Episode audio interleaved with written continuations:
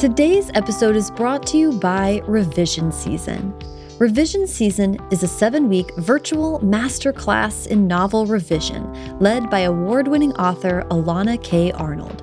The Spring 2022 course will run from May 1st to June 23rd, and enrollment is open now. During revision season, Elana sends weekly video lectures and transcripts followed by a series of assignments designed to help you put the week's lessons into practice. A weekly live call, recorded if you need to listen later, gives writers the opportunity to ask specific questions, and a private, moderated forum provides a space for revision season writers to connect with and learn from each other. By the end of revision season, writers will have the tools they need to deepen, enrich, and grow their current manuscript into its next incarnation. Not only is Elana a dear friend and such a sweet person, she's also one of the most thoughtful teachers I've ever had. I had the opportunity to take revision season and it was really kind of fundamentally useful to me in like a as a person and also as a writer. Elana's class is also such a great way to build a community of like minded writers. It's so great for networking and connecting with other people. I cannot recommend revision season enough. Learn more and sign up for the Spring 2022 course, which begins May 1st at elanakarnold.com. Welcome to First Draft with me, Sarah Enni. This week I'm talking to Elissa Sussman, the author of adult romance Funny You Should Ask, as well as YA novels Drawn That Way, Burn, and Stray. I love talking to Elissa, and in this episode, we get into what led her to make a mid career shift to adult romance, the benefit of formulas, the magic of a good celebrity profile, and of course, we talk about horny heroines. That's just, you can't miss it. If you enjoy First Draft, there's a lot of ways for you to support the show. First and foremost, by joining the First Draft Patreon, where for 5 or $10 a month, you'll get access to an exclusive community forum, monthly video chats with me, 15% off all First Draft merch, and more. If you just want to donate directly to the show on a one-time or recurring basis, you can do that at paypal.me slash firstdraftpod or by donating via Venmo. The show is on there at firstdraftpod.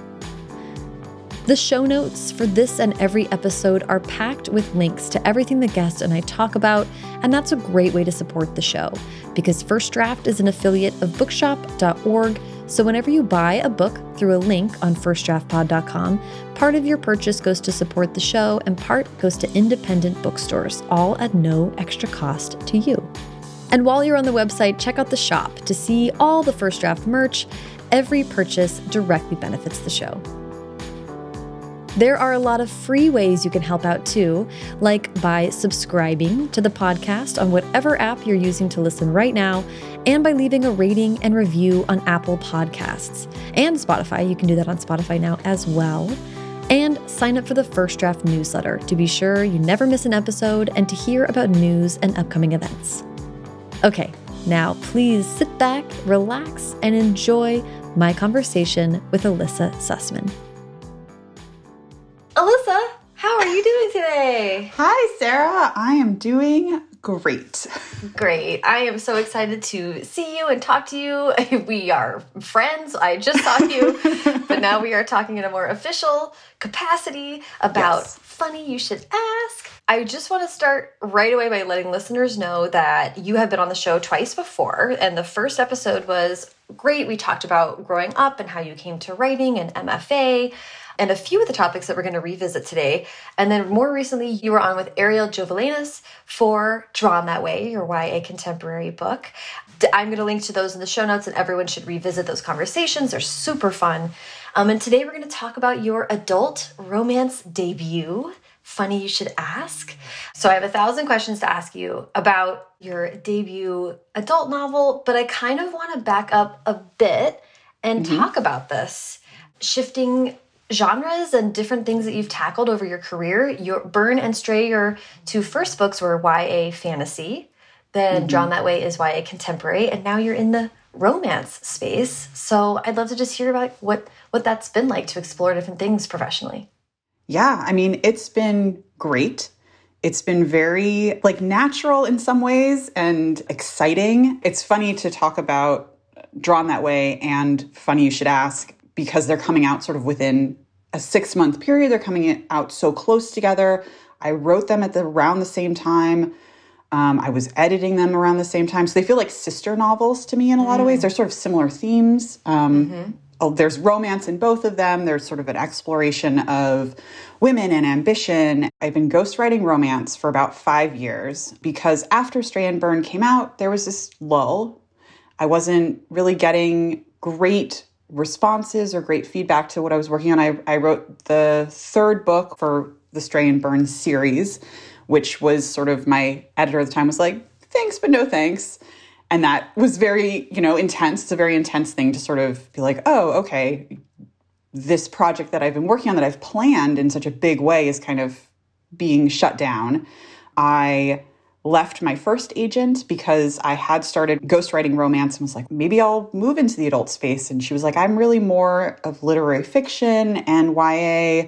And so it was a very amicable split. Mm-hmm. then I got a second agent, sent another YA and another adult romance out on submission with her, and neither of those those sold. And then ended up deciding to leave that agent, mm-hmm. and then signed with my current agent, Elizabeth Bewley, in the beginning in January of 2020. so you know, wow, hopes for the future were were big and bright at that point. Right. Um, so it had been a really weird journey at that point and i had been feeling a lot of doubt about my future in publishing and if anybody even wanted to read what i was writing i was trying a lot of different things and i was excited about the projects that i was doing but i wasn't necessarily feeling that it was reciprocated mm-hmm. it was hard times um, and you know 2020 obviously was a really rough year for all of us Mm-hmm. You know, since then it's been really tough. But personally, 2019 was like a garbage year for me. Mm. So I was just in a really weird place. Up until that point, the YAs that I had been working on were very like serious YA novels, mm. you know, dealing with serious topics. And romance was kind of like a little bit of a break from the more heavy topics that I was writing about. And I was really just doing it for myself. Mm-hmm. I was fully expecting that I was going to stay in YA and just inch my way up towards mm-hmm. industry, quote unquote, industry success. Um, mm-hmm. I was like, I'm a below mid list author, but like maybe in five years I can be a mid list author. you know, right. like that was the goal, that was the oh, dream. Man. Such such high goals and, and lofty ambitions for myself. Oh my goodness. And and I was like, and and whatever I write in romance will be like fun will be like mm-hmm. a fun uh, side gig or something. And then I wrote Drawn That Way, which was an extremely joyous writing experience. It, it came to me really quickly and it was so personal. I'd worked in animation for a long time and I was finally ready to write about mm. all of the complicated feelings I had about animation and working in animation and being a woman and in an industry that's very male dominated and all of that. Mm-hmm. So that book was so wonderful and joyful. And I really was like, oh, this book is good. Like, because it's so personal and so special, like it's gonna, you know, hit in a really specific way. And I was like, and who's writing about this industry? Nobody. And there's such a great crossover between you know, a lot of anim- people who work in animation work in picture books and children's publishing. And I was like, this mm-hmm. is going to be great. The book sold in March of 2020, right at the beginning of the pandemic, when people were still like, "Oh, this is like a two-week thing," you right. know, and like we're all we're working from home, but it'll be fine. Right. And it was very quickly evident to me that it was going to be much of the same that I had experienced with Stray and Burn, which is not mm-hmm. a lot of publisher support, but they were going to publish it, and like mm-hmm. that was what I could expect. And I was like, "Great, right. this is awesome." And then for myself, because I was kind of just coping with the reality of the pandemic, I'd already started working on what became Funny You Should Ask. And I just kind of was like, I just want to write something that's like super fun, that scratches all the itches that I have about romance, but also was kind of not thinking about selling it necessarily because it's a really Mm-hmm. like kind of unconventionally structured novel for romance. Mm-hmm. Um, it has dual timelines and there's these interstitials and things. And I had sort of spoken to to romance writer friends about it, and they were like, "Well, you can't really do a dual timeline thing." Um, and the interstitials probably won't work. And I was like, well, I'm just going to do it anyways because there's no expectations. Like, I already have a book that's going to be out in, you know, 2021. So this is just fun. This is just going to be fun. And I sent half of it to my agent and I was sort of like, I don't know if this is works, like, you know, because it is so unusual. And she responded like almost immediately. She's like, I need the rest of this, like right now. And I was like, oh, okay. and so I wrote the rest of it. And that was in like July of 2020. And she was like, let's get this out on submission in August. Like, let's, Wow. I want it, I want it to be before people are like leaving for that like last hurrah Yeah. over the summer. Yeah. And, and it was just a really different experience. Like everyone I showed the book to was just very excited about it in a way that I've never experienced with anything that I had written before. Hmm. So I was kind of like, this is really exciting because you write YA. So, you know, there's a little bit of distance you have from your characters because Yes. you're coming at it from an adult and you have to be sort of aware of who your audience is and Yeah. be respectful of that audience. And with writing adult fiction, writing for women my own age, it was like, oh, I really can write for me in a way that was so pure and exciting. It sparked something in people who were reading it. I love you taking us through that kind of journey to getting to writing this. And I have a lot of questions about what you just brought up, but I kind of want to take a step back and talk about romance as a genre Yes. and stepping into that space because it's been so special for you, I know. Um, I would just love to talk about like the romance genre and what it means to you and what your relationship has been to it as a reader. Yeah, I mean, I love romance. I love it and feel a really, really strong connection to the genre. I started reading romance in middle school, I'm sure. Some of my old, old favorite romance novels I still have copies of, and they're very like dog eared and the spines are all worn out. The early books I read really kind of solidified my specific taste in romance. So, like, on the funnier side, um, a lot of like witty banter. Like I'm not someone who's drawn to like the sort of the more angsty romances, which I know there mm-hmm. there is such a great audience for that. But I'm more of the sort of what we're now considering rom coms, mm-hmm. and I think it's also my appreciation of like movie rom coms, and you know especially when they're done really well. It's all about the humor and the chemistry and the comedy that's sort of inherent in falling in love and mm. the absurdity that exists when two people are like trying to get together. Um, and so, yeah, so I would always be drawn to reading romances that were funnier, authors that I would learn um, were like, oh, these are the authors that have like the humor that I really like. Um, and I think that's really common if you're a romance reader. You have your loyalties to tropes, to authors, to styles of writing. It's such a great way to join a community because you're going to find people who like what you like and who mm-hmm. are going to introduce you to new things. Mm-hmm. And the romance community has been so generous and so open and welcoming to me.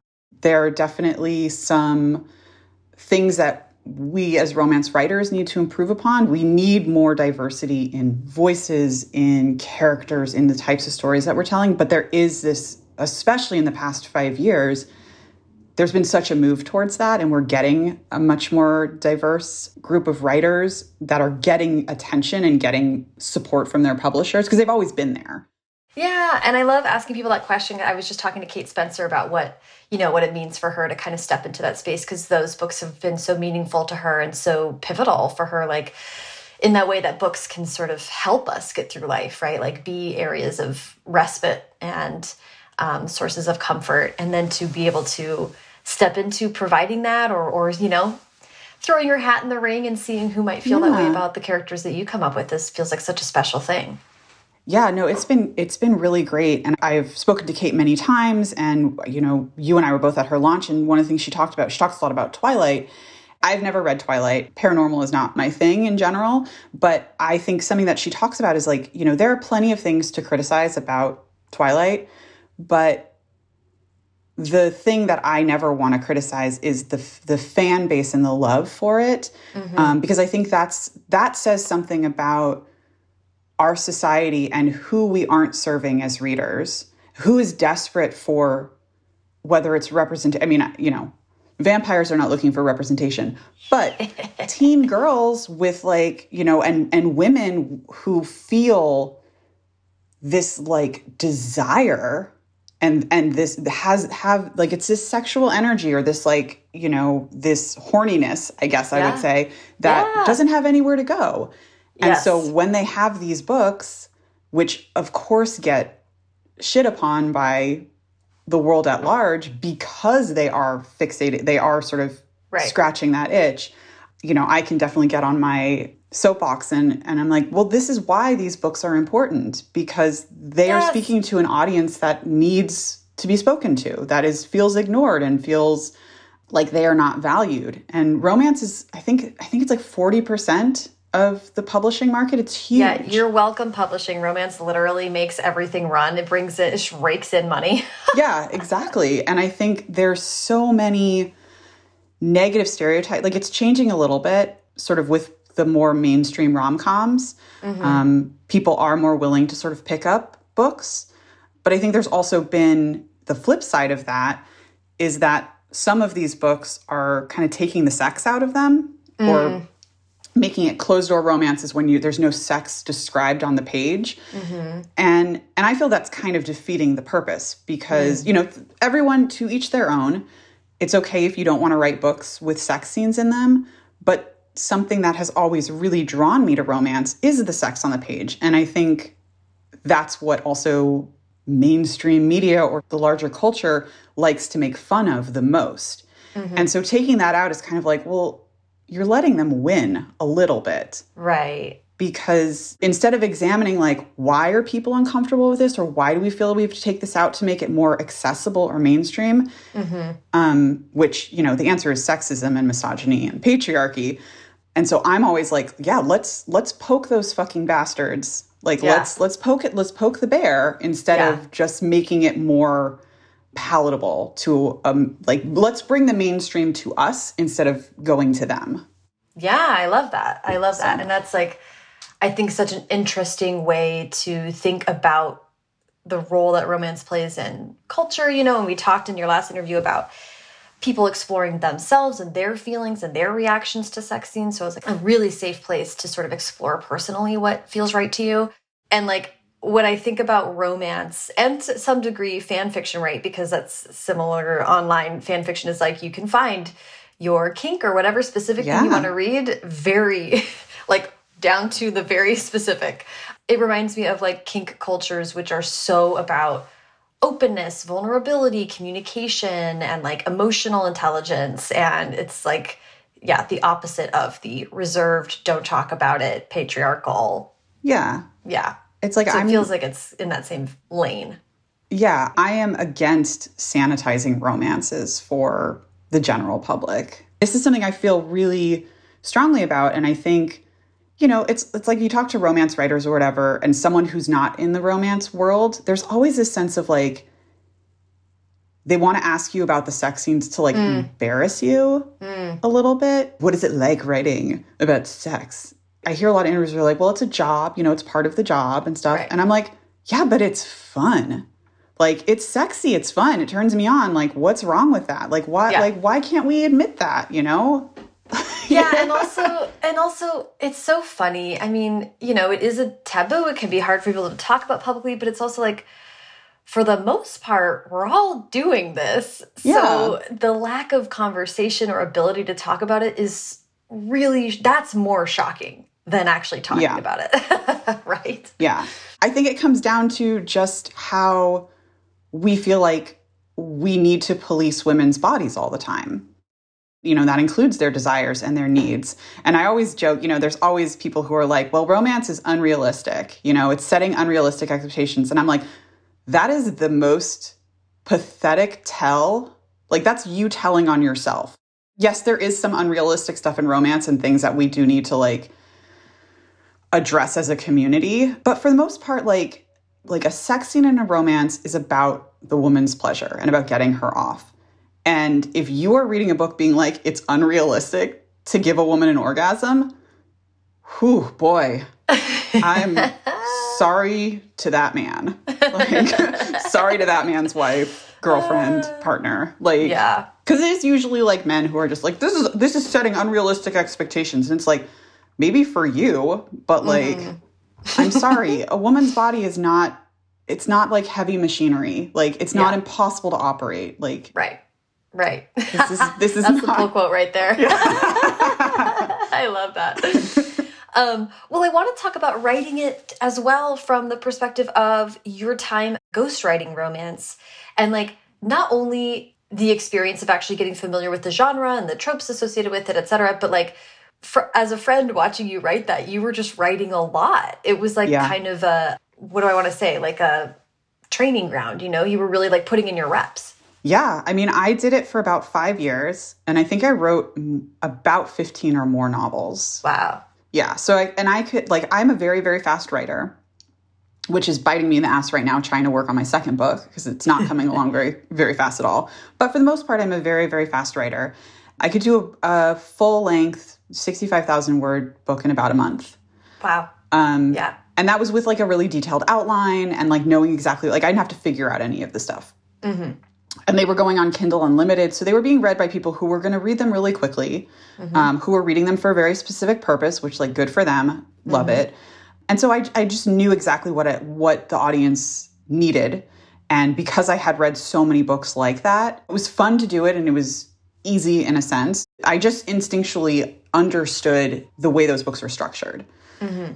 It was like a better than mine MFA program. You know, I have I have a lot of things to say about MFA programs, mainly that I don't think they prepare you to be a working writer for the most mm-hmm. at least the program that I was in, which was frustrating. But this like I really think that if you want to teach anybody about writing, they should study romance novels because there are so many specific expectations and if you learn how to do those and do those well, then you have the basis for being able to write any kind of book because you've mm-hmm. learned plot, pacing, character development, dialogue, character chemistry, you know, how to do exposition, like any genre fiction, really. But like traditional, sort of the mass market romance has really specific guidelines that writers follow. We shit so much on like what we consider to be predictable or formulaic, I guess. Mm-hmm, mm-hmm. But I think it's such a gift because when you know the formula, you know how to play with it and you know how to experiment with it, you can do anything if you have that that basis and that background.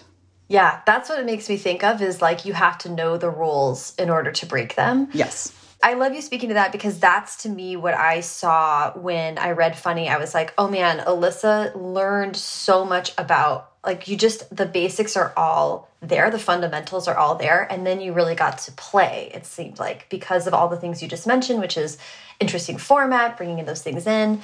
So actually, before we kind of talk more specifically about it, and I dive in here, um, do you mind pitching this book for us officially? Yes. Funny You Should Ask is a dual timeline story about a reporter, Chani Horowitz, who is tasked with interviewing her like number one Hollywood heartthrob crush, Gabe Parker, who is about to be the first American James Bond. They meet when she is 26 and he's 30. The interview that they do goes viral. Then 10 years later, their careers are in very, very different places, and they're asked to recreate this interview. The book follows what happened then, what's happening now, and then is interspersed with not only the article itself, but then other examples of Chani's writing and interviews with Gabe or, or articles about him. And then sort of like what what happened, what's real, what's not real. Amazing. I love this book so much. Let's talk about the dual timelines. Like, I not only want to talk about the challenge of creating a dual timeline and structuring them interspersed as opposed to like now and then, but like what you gain as a writer from exploring two characters at two different times of their life. It seemed to me like it gave you so like so much depth and room to really explore with these characters. Thank you. I think it was always from the beginning that the, there was going to be this dual timeline and there was going to be this passage of time because I am really interested in how we grow and how we evolve and what that means for relationships, what that means for careers.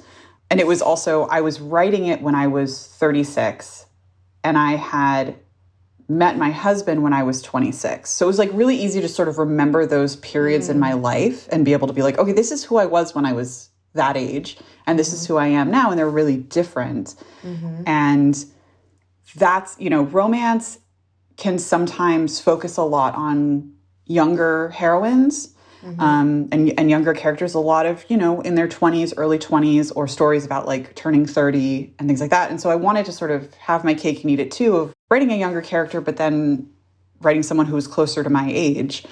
And so being able to play with that was a lot of fun and and also exploring like who they are when when they're so much younger. You know, Gabe is such a different character when he's in his 30s and like about to embark on this huge career mm-hmm. or this huge like career opportunity and then you know he's in a very different place when he's 40 when we meet him later and you know romance is about fantasy romance is about pinpointing how much do you want to be connected to the world and how much do you want to sort of be in the fantasy there's like it's a spectrum and I was like, for you as a writer, you mean? For me as a writer, yeah. Yes. Uh, and a reader as well. Yeah. Um, I think there's an elevated style uh-huh. And it's like, is it like we're going super, super extreme and bizarre and just like anything goes, or are we a little more rooted in reality? And it's mm-hmm. kind of a little bit in the middle for me. Um, I like things to be a little elevated and a little like silly and fun.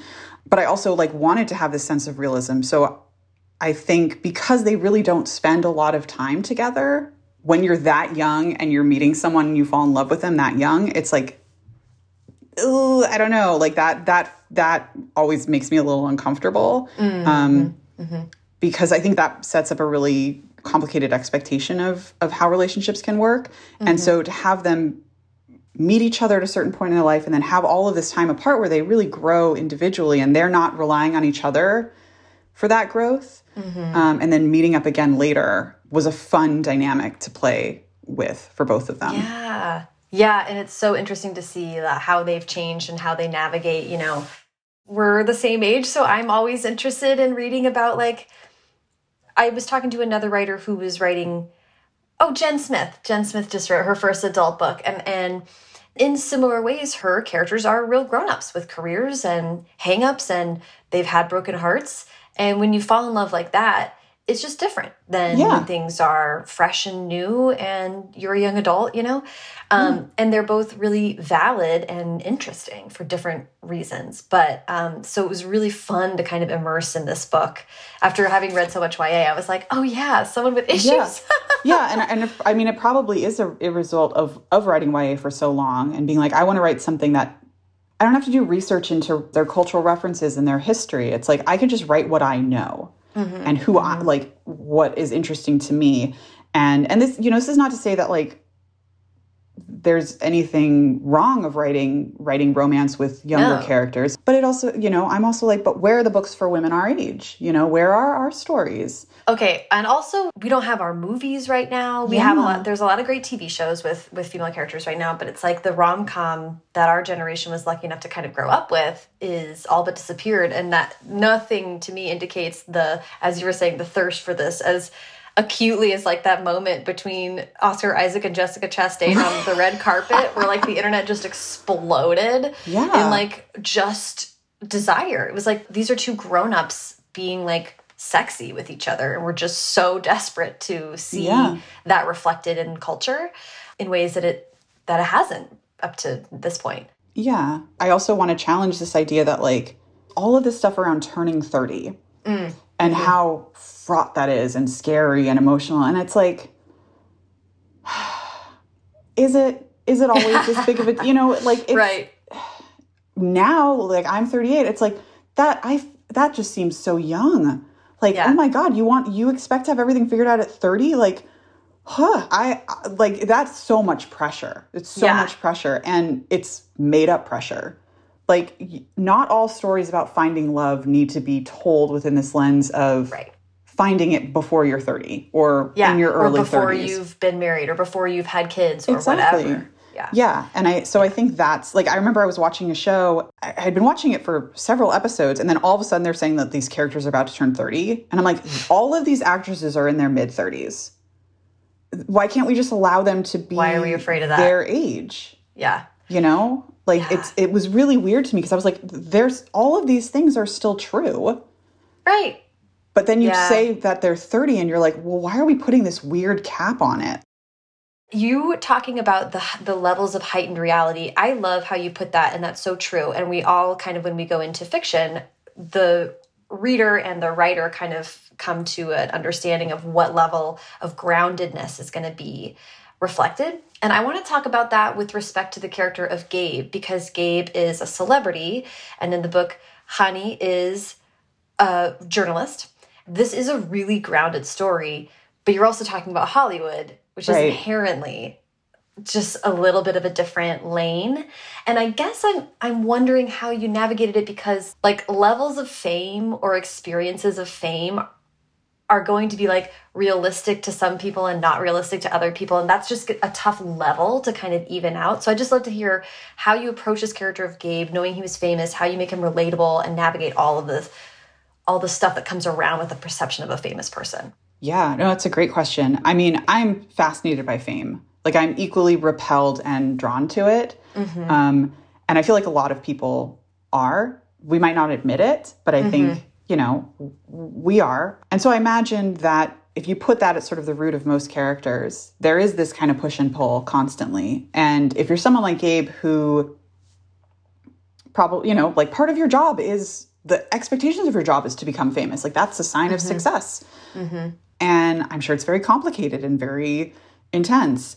Um, and I have friends who are actors and I have friends who are journalists. So being able to sort of talk to them about their experience mm. um, was really helpful. Um, I remember I talked to a friend who said the thing that sort of really unlocked Gabe as a character, where this person was like, a lot of actors are very insecure about how smart people think they are because a lot of people mm -hmm. do mm-hmm. not think actors are smart.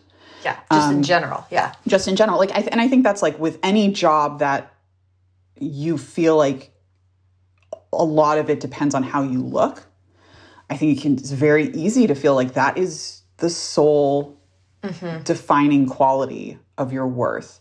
Mm-hmm. Um, and f- I wanted Gabe to sort of be someone who was aware of it, mm-hmm. who already feels insecure about how intelligent he is and is hyper aware of how he's perceived and what that might mean, like what that would do to you as a person. And then you throw in someone like Chani who for all of her insecurities, she knows she's smart.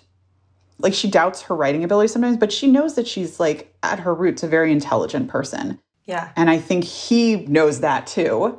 And so it's this sense of like he wants to impress her, but it's a it's a very very weird power dynamic that they enter into mm-hmm. because he has to impress her, she wants to impress. They both are trying to impress each other on, on different levels. And and I really really wanted to explore like the whole famous person, normal person uh, trope is really popular in romance and it's so much fun to play with. But one thing I really wanted to do that I don't see as often is usually when you read those books, there's this kind of like negative idea of of being aware of pop culture. You know, oh, like the uh -huh. heroine is special because she doesn't know who this famous person is. Yeah. You know, right. like she's, you know, she's not like other girls who read right. gossip magazines and like know, you know, is aware of what's happening. See films. she doesn't see films or she sees a certain type of film or yeah. whatever. And for me, I'm like, I will see a celebrity and I'm like, mm-hmm, that's that's yep. that. Like I can spot them and and it's exciting and fun. And I was like, what would it be like if she was obsessed with him? Right. That just adds this extra weird, complicated, fun dynamic to their relationship. It is not just any celebrity. It is like it's her celebrity. Her celebrity. And she has a lot of preconceived notions about him and a lot of assumptions about him. And what do you do when you're confronted with those with the real person in front of you and then the fantasy of the person? And I think that's also, you know, romance is, is about like i said like it's about fantasy. So it's kind of playing with those two things about fantasy and reality and what's real what's not. And gabe is such a like he's such a he was such a fun character to write because of that because i think he is really hyper aware of those things. And then you just add this extra element of Chani just being like kind of out of control horny for him. And that's just that there's just humor in that. That's like you know i love writing a really horny heroine. I just think yeah. it's like we don't see enough of them. Like all of the women i know are horny in some way. First, like, you know, we talk about like the Oscar Isaac thing, you know? Yes. It's like we are feeling these things. Yeah. Yeah. And we should write about them and talk about them and embrace yeah. them. Yeah, it it was to me it was so fascinating because you had the task the task of sort of saying like let's look at Gabe as a person, let's look at Gabe as a as what it would be. He's this kind of like icon because he's the role that he gets in the book is that he's going to be the next Bond. When they first meet, he's at this very interesting moment where he's about to become a mega celebrity. And he's as nervous about that as she is curious about it. And it's just so interesting. Like she is profiling him and he wants to look good in this profile. And I want to ask about both the power dynamics between Gabe and Chani, and also Edith Zimmerman. and, and I want to start by asking in a recent Instagram post, you were like, I love hearing everybody's guess about who the actor is. And I was like, oh, right. Like, not everybody right. has our exact frame yeah. of reference. So, first, can you talk about that? About like what reader reactions have been to this like parasocial character that you created? I mean, it's been great. It's been so funny to, to see what people, who people think it's based off of. I've gotten a wide, wide range of, which is why I'm kind of like, I don't want to direct too much attention to sort of original source material. But, you know, I think definitely right. people have made the connection between there's the Tom Hiddleston interview. Yes. Um, there's a Channing Tatum one. You know, so there's there's a few of that from that time. There was a period where a lot of female journalists were writing really, really great profiles of celebrities and exploring that weird dynamic and and sort of putting yes. themselves in the story, which I think provided such a great context to what celebrity looks like and what male celebrity looks like. And like the three of them in particular, they have a very specific persona. And I think those articles really both encourage that and then also question it in the same breath, which I think is so fascinating. And all three of them are so well written, like just so compelling. And I think, you know, obviously we we get excited about the titillating aspect of it, but they're they're great articles. They are just very very well written. They're very unique. They're very special, mm-hmm. um, and that was something that I I thought was really interesting as as a good jumping off point. I've spoken to our friend Zan Zan Romanoff, who has done interviews like this, and hearing her perspective of it, there is this sense of they want to impress me, and like how strange to be. You're just like, I'm just a normal person doing my job. And here's this huge celebrity who's trying to, you know, right make me feel special because they want me they want right. you know for a lot of reasons i'm sure part of the thing that draws people to acting i'm imagining is that sense of approval that that desire for validation validation exactly and if you're an actor um, a screen actor in particular it's like you're not getting that directly a lot of the time um, so sitting down in front mm-hmm. of someone who's going to talk to you about your work that must be really exciting and you must really want to impress them and you want show them i oh i did this but like i'm also more than this i'm also you know mm-hmm. intelligent mm-hmm. and clever because the person who is coming in to interview you they make their living off of their words. And I imagine if you're an actor and, and you've been told like your value is in your looks, there's there's an interesting thing to play around with that.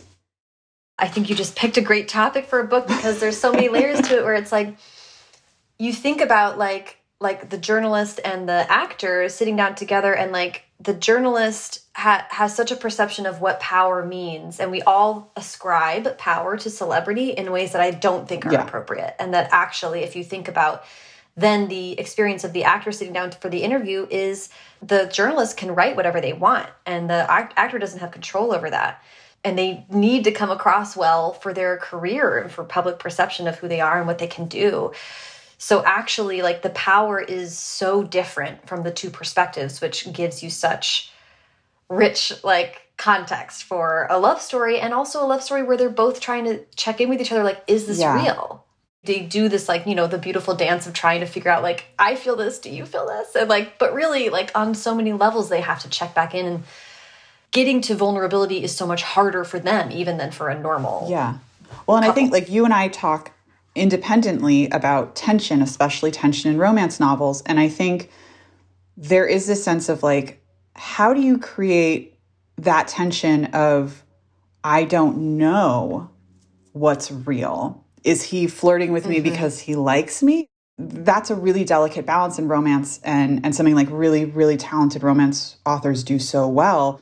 This unknowing, this kind of how do they feel? and and it definitely is easier to do when you're it's you know funny is first person so we don't mm-hmm. really know how gabe is reacting we don't know his his thoughts we don't know how he really thinks about her and that keeps us mm-hmm. on our toes you know and i and i needed i needed this and like sometimes in order to show interest and attraction, you can go too far. And you're like, okay, it's mm-hmm. of course he likes her. Oh my God, it's so right. obvious. And so adding that dynamic of, well, she's here for a job, then it's like, it makes sense for her to be like, okay, yes, in a normal situation, I would be like, yeah, he's totally into reading me, this signal, but I can't trust yeah. my instincts because I don't know. Yeah. And that's a, that's fun yeah. to play with. That adds like all of this like you know, sexy, fun, just sparkly tension. And it also it makes sense like why they both react the way they react. And and when we sort of learn a little more about how Gabe perceived the things that happened that weekend, his actions yeah. make sense. You know, in a way that that yeah. if you were in that situation and you only have the one perspective, it would make sense. It would all of her actions make sense with the information mm-hmm. she has. Yeah. So that that yeah. That was part of what I liked about it so much was that the misunderstandings misunderstandings can be like a, a leap as right. a reader, but this book was like, no, this all reads very real and like it's funny to take you know and i think our friend zan did this what with grace and the fever as well taking this larger than life celebrity story and like really grounding you within that world and being like let's let's think about this and it makes it even like sexier and more fun and um I just like this book oh, a lot. Is what you. I'm trying to say, I guess. uh, yeah. Was there any other thoughts you had about kind of the the celebrity side of it all that you wanted to talk about? I think just sort of to put a pin on it in a way, it's like I, you know, because I, I have friends who are actors, some who are very successful and some who are, you know, by industry standards not. Mm -hmm. And really the only difference between a celebrity and an actor is the roles they get it's not like a, a better more intelligent more charismatic person it's like it's chance it's luck like with every creative industry um it's like I was going to say, the, yeah, I know another like, industry like that. hmm, could that could that be uh, could that be that publishing? Could could indeed.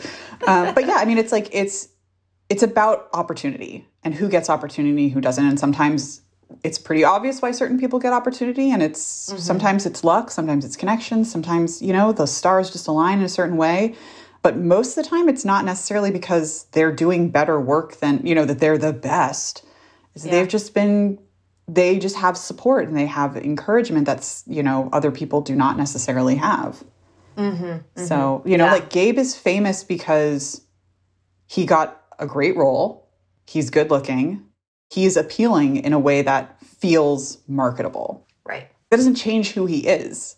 Right. You know, fundamentally, he's still a kid from Montana with an older sister, with a mom who loves him, a dad who's passed away. It's like those those things are are are who he is, not mm-hmm. Gabe Parker the actor. So it's that balance yeah. of of things. Yeah, I love that.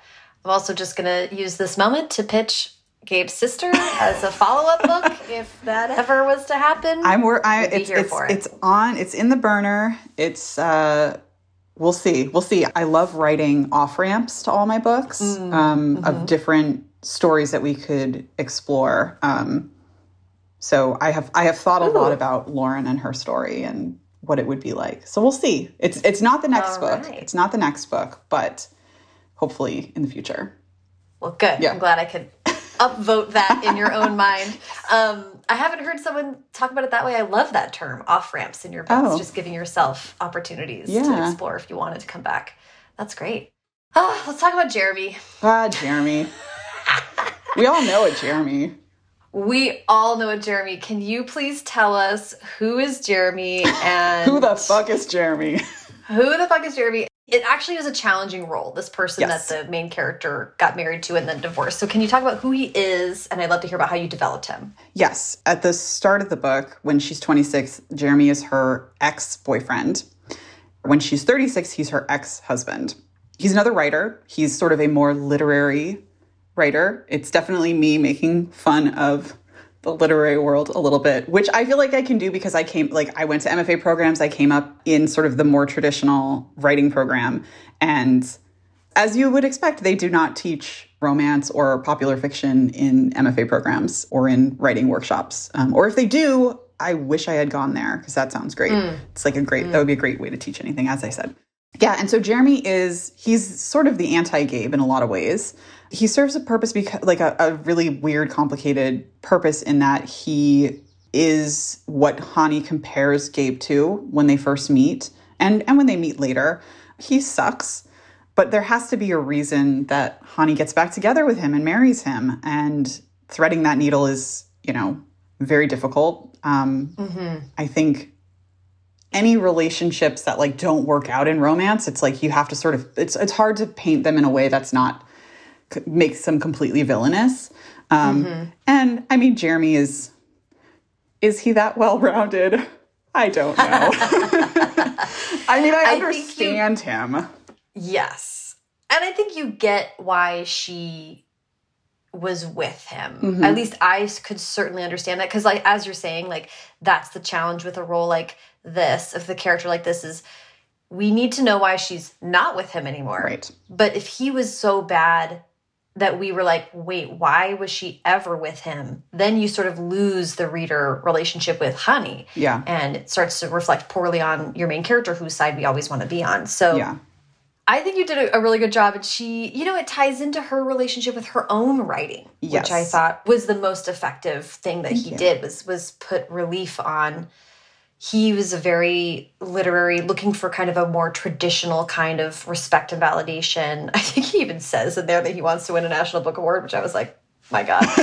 um, and and maybe let's use this as a question to have you talk about what it was like to write Chani's ongoing evolution in understanding her own self as a writer and her own writing and coming to terms with what she is and maybe giving herself the chance to write what she wants. Yeah, I mean, it's definitely. I think. I think he, like you said, he is a stand-in for her ideas about herself and her abilities as a writer, and he. He's such a dick sometimes. Um, he's such a dick. Jeremy is not the best. He's not the best. He's Yeah. not the He's best. He's very guy in your MFA class. But he is. But he's the kind of guy that if you. Like that's what your 20s are for a little bit. Yeah. Is dating guys like him. And and that sort of for me said a lot about who she was in her 20s and what she was willing to accept. And then as she gets older, what she's not willing to accept. And kind of why she's really hard on Gabe when they meet up again, because she's had this mm-hmm. experience with someone who she did have a love relationship with. They had their good times, they had their good moments. He did show support in certain ways. I think he is definitely a stand in for what it feels like to write romance in a literary fiction world. And this idea that you're never going to get respect and you're all you know people are always going to be like okay but when are you going to write a real book? Or you're so talented like dot dot dot as if like you're too good to be writing this stuff type thing. Um he is that embodiment of what we view success as and it's very gendered as well you know? It's it's not a mistake that he's he's a dude she's a woman and she's writing certain things and he's writing you know he is diminishing of the sort of puff pieces that she's writing. Even though she's making money off of it she's making more money Good than at it. yeah she's and she's good at it. She's very talented at it and he just finds ways to undermine that and it comes from his own sec- insecurity. And it's like yeah if you look at it in the larger picture it's like it's the literary world being like man romance and us being like we fucking pay your bills like yeah. romance sells and that money goes to paying advances for big literary novels that do not have the same readership Yep. and Yep. that's not to say that like those novels shouldn't exist i'm glad i'm glad it's this like ecosystem that like feeds It's an it ecosystem. But, like, yes. respect the soil, guys. It's why I talk about like you should teach romance in fiction workshops because there is so much to learn. And I think it's the same with comedy versus like drama. Everyone thinks comedy, oh, comedy's so easy. It's so easy. The fuck it is. Comedy is mm-hmm. so yeah. hard. There's a mm-hmm. quote I'm gonna I'm gonna butcher it, but it's like you know everyone is sad in the same way, but no one laughs at the same thing, kind of thing. Oh, I love that. And I think it's the same with romance. It's like you do not know how hard it is to write good chemistry between characters until you try to do it. yeah. Honestly, it's pretty easy to write a bad, awkward sex scene, which a lot of literary novels have because it's like, mm-hmm. you know, it's usually like someone, you know, it's having sex for character development in a way that usually is either surprise rape on the page for character development or mm-hmm. some guy making weird comments about women's breasts and how they apparently seem to have like a life of their own or whatever. It's hard to write a good, sexy sex scene. Mm-hmm. And people do not appreciate that. And Yeah. they should. Because it, and it's, it's hard to make the formula special, Yes. you know? Yes. And every romance novel that I have read, with very few exceptions, does that. Mm-hmm. And the just the lack of respect romance gets is just bleh, whatever. Like fuck you, Jeremy. I love that you created a character that we can all be like, so let's just rag on this guy because he was really. But also, eh, what what came to mind for me with Jeremy as well was what you brought up earlier that you can just in this book I, I see Elissa just embodying your interests and your opinions and your ability to speak to what your life has been like and what you've learned and jeremy is like this is a grown-up talking about something grown-ups have seen and interacted with you know? It's like we have all known a jeremy and it was just fun to read a book where it's like let's talk about this guy. It's important to be able to talk about like uh, you know it's one of those like raise your hand if you were personally victimized by Right, Jeremy exactly. in your life you know? Um so i just i don't know i just i delighted in it. I thought it was really well done. Thank you. I mean, I mean, sort of to go off of like what you said about like writing to my interests. It's like, yeah, I because I I really wrote this book with no expectations. I was just like, this is not this is this is not where my career is going. This is just fun. This is just mm-hmm. pure joy. And I was mm-hmm. just like, yeah, I'm just gonna put all the shit I like in it. Like, and it was, and it's so funny because so many things I put in there, I was like, these are universal, right? Like Philadelphia Story. I was like, everyone's seen the Philadelphia Story. No, do you know how many people have messaged me being like, "Oh, I saw it for the first time because of your book," and I'm like, "Well, that's. I mean, I'm thrilled. That's you're everyone. doing a great service everyone should see the Philadelphia story." But for me, it's so, it's like iconic, and Yeah. and I think when you lean into those things you love so deeply, and you can talk. Like I always talk about, I did have like for all my crapping on MFA programs, there was something I picked up that I I really think is some. I had some great teachers. I don't want to, you know, just be like it was a worthless experience. It was not. it was not. I had some really really amazing instructors, and one of them was like, if you can write with authority, people will follow you. If they mm-hmm. feel that you know what you're talking about, like it's basically like if you're the driver of the car and you are like, I know where we're going. People are gonna be like, okay, cool. Like, let's do it. Oh there's nothing like as a reader being like i'm in good hands Yeah. this person knows what they're doing then you relax and like almost anything the book could do almost anything you're like okay Yeah, I think that's that's what it is. It's like you have to have that authority to do weird and wacky things and fun things. And also like I really trust my readers to figure it out. Sometimes I don't necessarily spell things out and I don't mm-hmm. like mm-hmm. explain things because I expect they'll either get it from context or they'll they'll figure it out, you know? Like romance readers are fucking smart. They are smart as hell and they get it. They are so eager to be taken on that journey. yeah You know, they are ready for it. And so if you Yeah. can take them on it, it's the best. Yeah. It's like the best feeling ever. It's so great. Yeah, I love that. And I think it is so interesting to think about the relationship with the reader and not in a way of like adjusting how you write. It's more just like, okay, like let me take the reader seriously and treat them with respect. You know, we talk about that in YA all the time, and it's the same thing here. It's just like, I'm writing this book for myself, but I think there's a healthy amount of just thinking about what the experience of reading it is going to be like. Yeah. I always feel like, especially with this book and and the combination of this and Drawn That Way, I feel like I could give those books to people and be like, if you like these books, we can be friends. Yeah. If you don't, then Yeah, then we're gonna get along. We're not a good fit, and that's okay. It's totally okay. But like these books Right. are such a representation of like my sense of humor, my interests. yeah. Like I know that people who like my book are gonna come up to me and be like, "Oh my god, let's talk about A, B, C, or D." I'm gonna be like, "Yeah, let's do it. Like let's let's debate who Katharine Hepburn should have ended up with." In the Philadelphia Mm-hmm. story. Like, I want to talk about that. Let's talk about Woody Allen being a piece of shit. Like, let's all of those things. I'm like, I I'm ready to discuss. Like, let's let's talk. I love it. Yes. Um, I just want to ask about the interstitials, and then we can wrap up with with advice. Um, but as you mentioned, you include. I mean, I in reading it, I was like, wow, Elissa did set herself quite a task because you establish early on that the profile that Chani writes about Gabe sort of launched a thousand ships. Like it sort of is this profile that went viral, that was so widely read that people changed their perspective on Gabe as a performer and embraced him as Bond. So then you chose to include the profile, which I was like, oh no, that she had to write it. I know. it was. Uh, What was it like to write that, and what was it like to uh, include the other pieces of writing? I, I'm so interested. Yeah, no, it was it was actually really fun. You'll notice one piece of writing that I talk about that I don't include is Chani's short story Oh, uh, because I was like, there's no way I'm going to be able to like that should be left to the reader's imagination for sure. Because I knew I was already setting myself up for people like writing the. I'm sure there are reviews out there who are like, well, I didn't think this article was that good.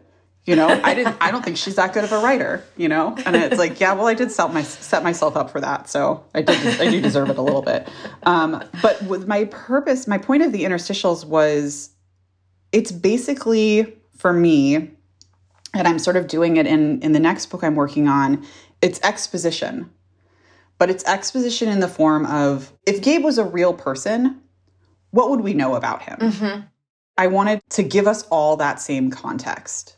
If he's a mm-hmm. celebrity, where are you going to get your information? It's going to be from articles like Chani's and interviews and reviews of him. I really wanted the readers to be set down in that world and then be fed that information in a way that felt natural. Mm-hmm. Um, and it also was like, I allowed that to do a lot of the heavy lifting as far as like explaining who he was and giving us that mm-hmm. context. So that was really fun because exposition is just hard and it's usually really boring. So I got to cheat a little bit and use use the uh, the little interstitials, but whatever, I don't care. Like is that cheating? It's perfect. yeah, it, it, I mean, it it worked for this. Like, it wouldn't work for every story for sure.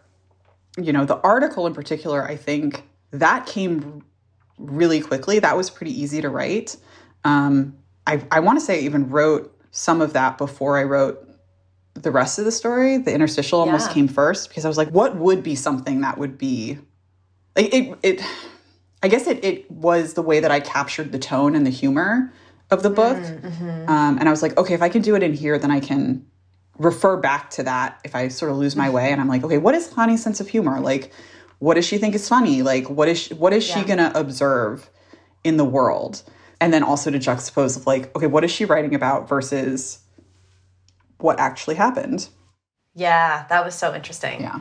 Uh, no, and you do get a lot of of a sense of Chani's se- sensibility. Yeah. um, from reading it, which is true of those essays that you mentioned. Like that's what makes them such compelling, and that's what makes them wonderful essays. In addition to just profiles, it's like kind of my favorite form of of personal essay. You know, Well, it's, I mean, it's funny because I took a nonfiction workshop in college, and I think I drove my professor nuts because I refused to just write a straight nonfiction piece.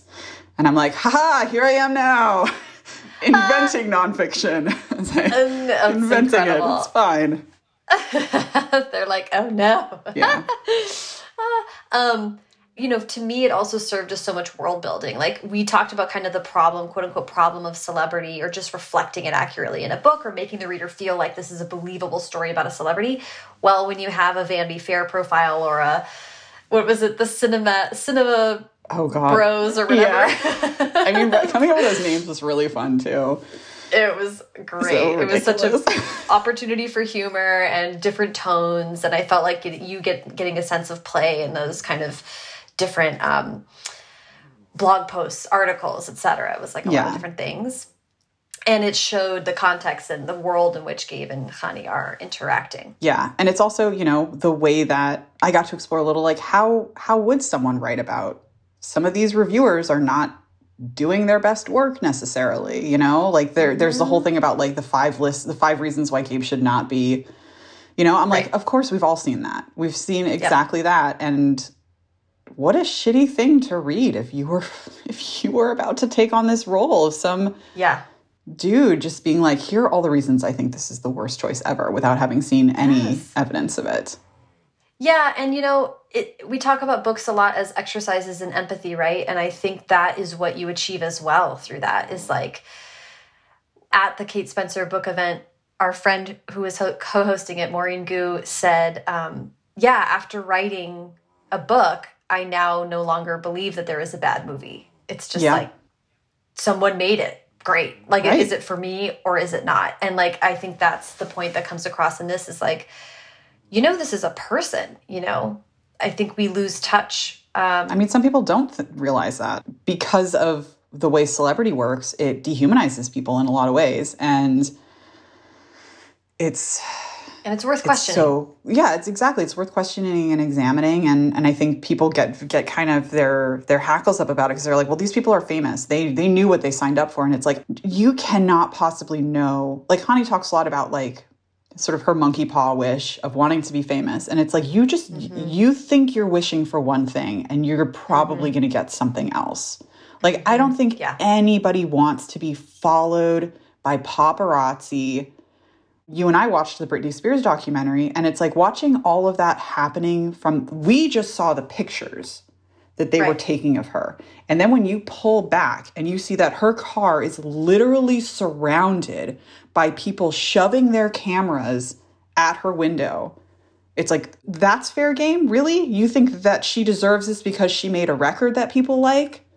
Right come on. she likes to sing Right. and that means that she you know I, t- I say this all the time but i'm like i'm so grateful that the art that i was born to make doesn't result in something like that Yeah. like the most famous authors in the world are for the most part able to like go to the grocery store Yeah. I have a million more questions I could ask you, but we'll we gotta I gotta let you go live your life today.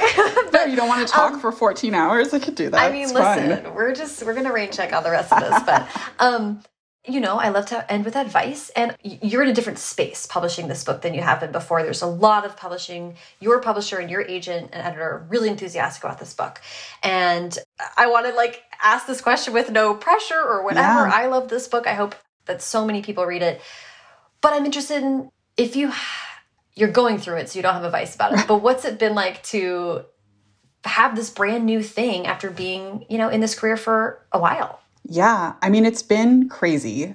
It's really good and intense in a lot of ways. It's even more to me stark because I was experiencing two books at this like almost simultaneously. You know, and I love Drawn That Way, and it's a book that's like so, so near and dear to me, but it had n- no publisher support. You know, I couldn't get my editor to return my emails sometimes. I was getting promises of things that never occurred. And and just you know and that was more of what i had experienced with my first two books. So i was like this is the norm.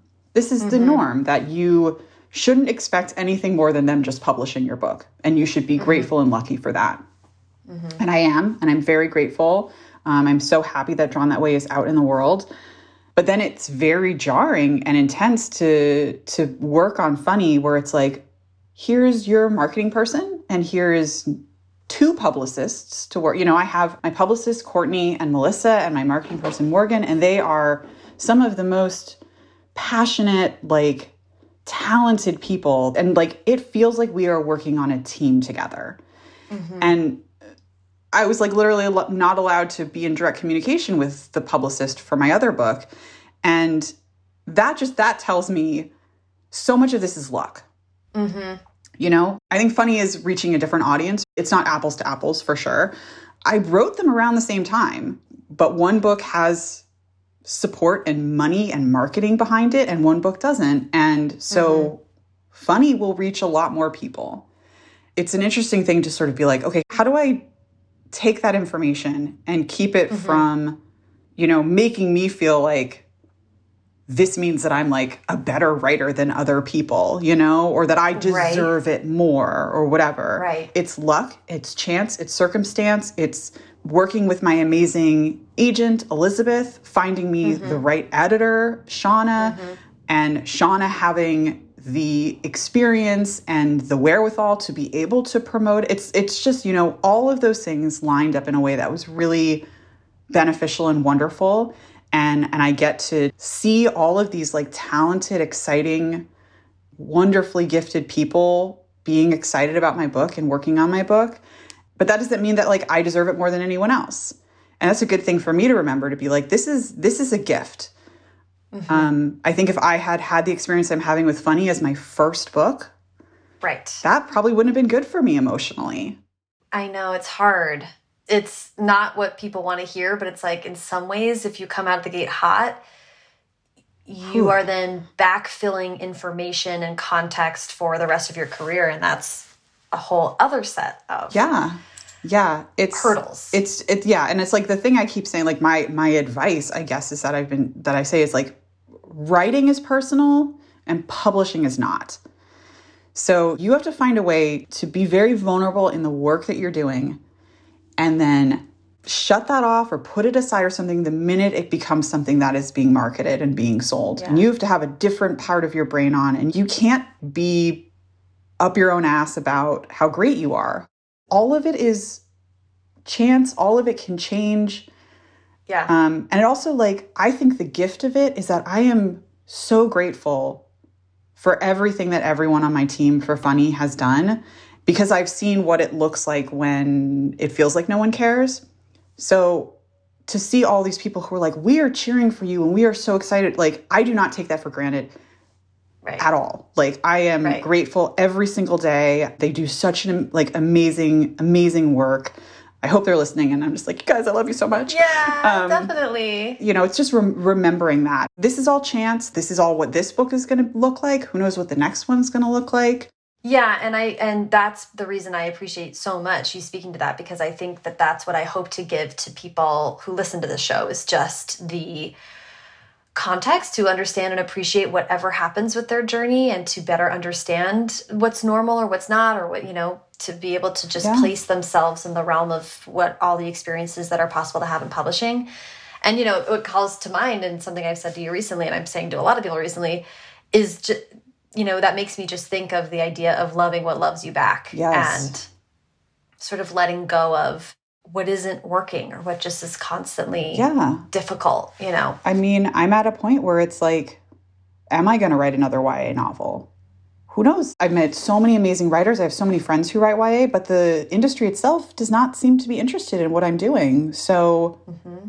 Should I spend my time trying to impress them or do I continue yeah. to write what I love doing? Like books I really, really right. love that are like, we love you back, right. you know? And it's. It kind of seems like walk through a door that's open, you walk know? Walk through a door that's open. And I also, you know, I think it's important to say like the only reason that like I'm here with funny is because I just kept trying. Yeah. Because there were so many times where I heard no, no, no, no. And I was just like, well, fuck that. I'm going to keep going. Mm-hmm. Um, the, that's the difference between anyone who has been published and published in any level of success is that they just because you're going to hear no constantly. Any artist is going to hear no, and so you just have to be like, okay, who am I listening to? Am I listening to my my myself and yep. my sense of my abilities, or am I going to keep going? Yeah. So, and it's definitely harder for some people. Like I'm not going to I'm not going to pretend that I don't have an immense amount of privilege in a lot of ways. And stubbornness is a privilege as well. Um, you know, it is like stubbornness is a privilege. Is that's the episode title?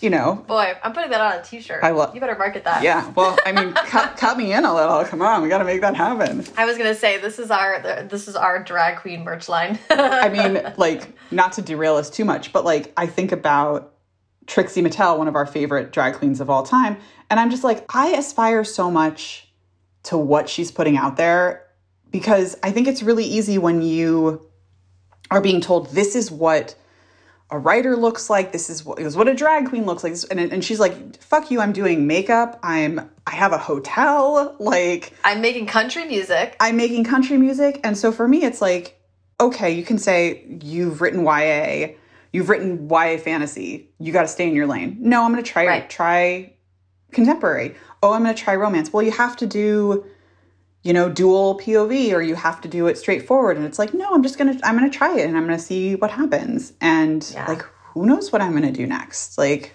there's so many great opportunities out. Like, I'm definitely still going to be writing books with sex, but like, That could be any number of books. that could, that could just take me anywhere.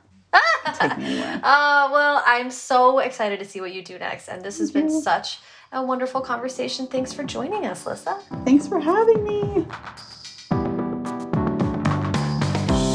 Thank you so much to Elissa. Follow her on Twitter at Elissa Sussman and on Instagram at Elissa underscore Sussman. Follow me on both at Sarah Enni and the show at First Draft Pod. First Draft is produced by me, Sarah Enni. Today's episode was produced and sound designed by Callie Wright. The theme music is by Dan Bailey, and the logo was designed by Colin Keith. Thanks to social media director Jennifer Nkosi and transcriptionist at large Julie Anderson. And as ever, thanks to you, flirtatious celebrities, for listening.